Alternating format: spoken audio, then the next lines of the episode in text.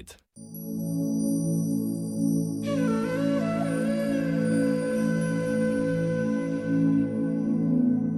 Negativna energija zakonskih izhodišč.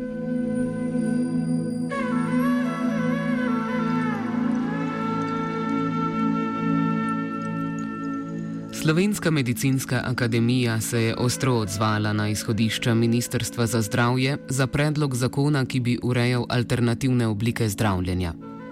Izhodišča namreč predvidevajo, da bi alternativne metode zdravljenja, kot so akupunktura, homeopatija, tradicionalna kitajska medicina in druge, lahko izvajali le zdravniki z licenco. V Slovenski medicinski akademiji, ki deluje v okviru Slovenskega zdravniškega društva, nasprotujejo prepletanju medicine in zdravilstva in trdijo, da bi ti dve sferi morali biti striktno ločeni.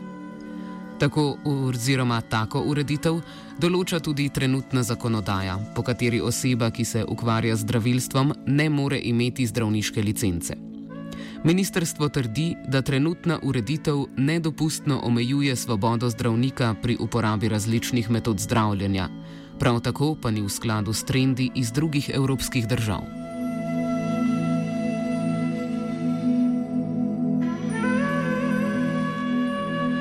Od leta 2007 v Sloveniji velja zakon o zdravilstvu, ki definira zdravilske metode in pogoje za odpravljanje zdravilske dejavnosti. Med drugim, naprimer, definira metode vplivanja z biopoljem, ki ga zakon definira, citiramo. Biopolje je predvidoma vsaj delno koherentno endogeno bioelektromagnetno polje organizmov, ki odraža njihovo biološko stanje. Konec citata.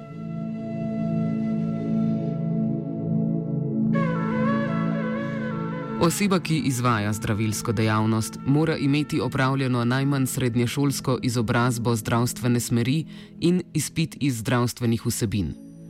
Za izvajanje homeopatije, kiropraktike in osteopatije pa je zahtevana diploma medicinske fakultete. Poleg tega mora imeti izvajalec licenco za opravljanje zdravilskih dejavnosti. Te naj bi izdajala zdravilska zbornica, ki pa 11 let po sprejemu zakona še vedno ne obstaja.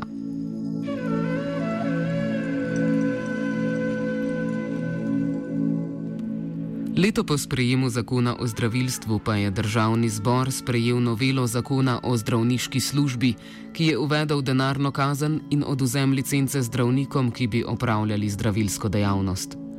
Od takrat sta torej medicina in zdravilstvo ločena. Izhodišča novega zakona pa predvidevajo brisanje te ločnice.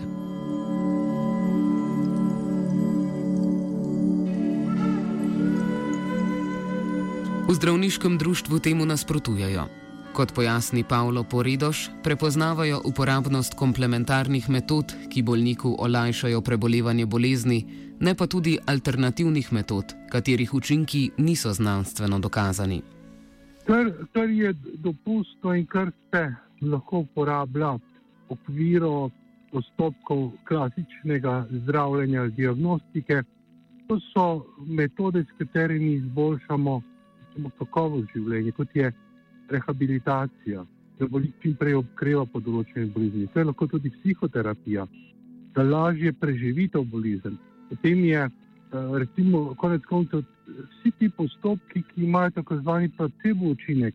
Kratka, eh, to so postopki, s katerimi na nek način vplivamo na kakovost bolnikovega življenja. Drugo je pa, če se pa prodajajo različni zvarki, za katere ni nikakršnih dokazov, da bi lahko kakorkoli vplivali, pa rožite.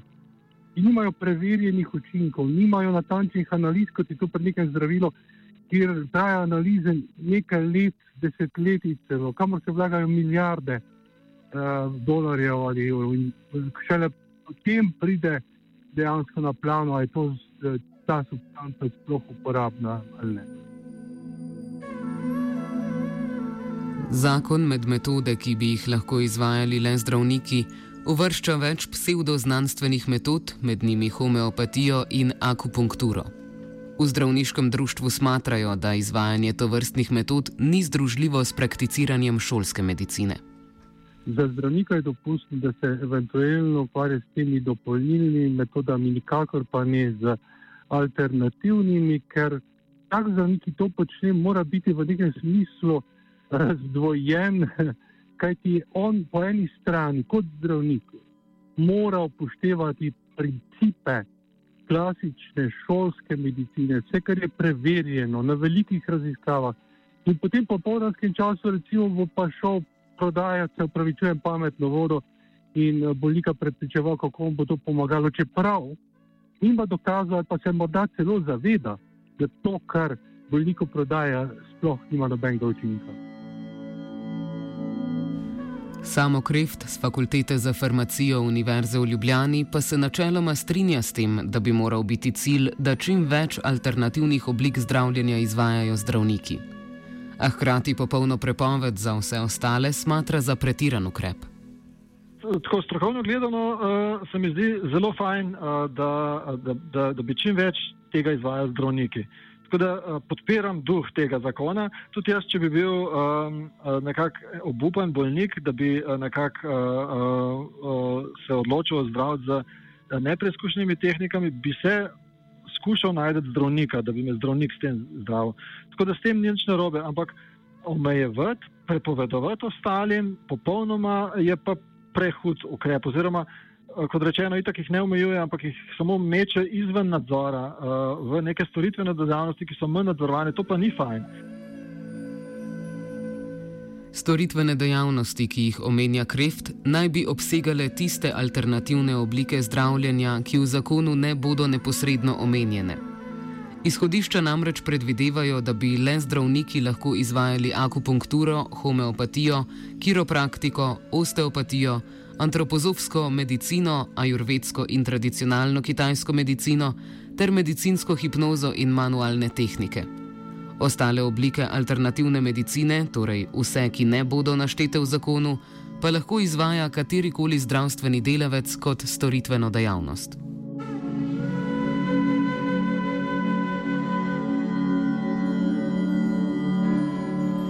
Kreft izpostavlja tudi, da tako v trenutni ureditvi kot v izhodiščih za nov zakon ni definirano, kdo preverja usposobljenost zdravilcev za izvajanje dejavnosti.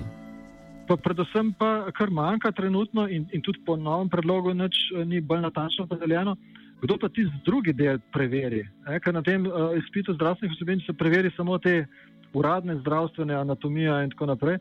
Kdo pa preverjal uh, ali nekdo, ki se ukvarja recimo z indijsko ajurvedo, um, tisto pozna. Ne? Uh, to bo neko združenje, ampak kdo bo pooblastil to združenje, kdo bo preveril to združenje, uh, ali je pristojno naprimer, za presojati uh, ta alternativna znanja. To ni določeno. Poleg tega bi po Kriftovem mnenju morali definirati kriterije za izvajanje alternativnih medicinskih metod ne le za zdravilce, temveč tudi za farmacevte. Sama beseda ukvarjanje z je mal um, nenatančno definirana, ker tudi v uradni medicini ni zdravnik edini, ki se ukvarja uh, z zdravljenjem. Uh, pač zdravnik naredi diagnozo, zdravnik predpiše uh, zdravilo, če gre za zdravilo za recept, ampak farmacevti v lekarnah pa izdajajo zdravila brez recepta in tudi svetujejo o njihovi uporabi. Tako da bolnik, uh, ki ima prehlad, uh, gre lahko v lekarno in tam dobi zdravilo brez recepta, ki mu ga farmacevt svetuje. To pomeni, z uradno medicino se na nek način ukvarja tudi farmacevt. Da, vem, podobno um, bo moralo biti, naprimer, tudi pri homeopatiji um, po zakonu o zdravilih zdravnik nima pravice izdajati nobenih zdravil, niti homeopatskih zdravil. To pomeni, da je tisto izdajanje zdravila bo mogel izvesti farmacevt.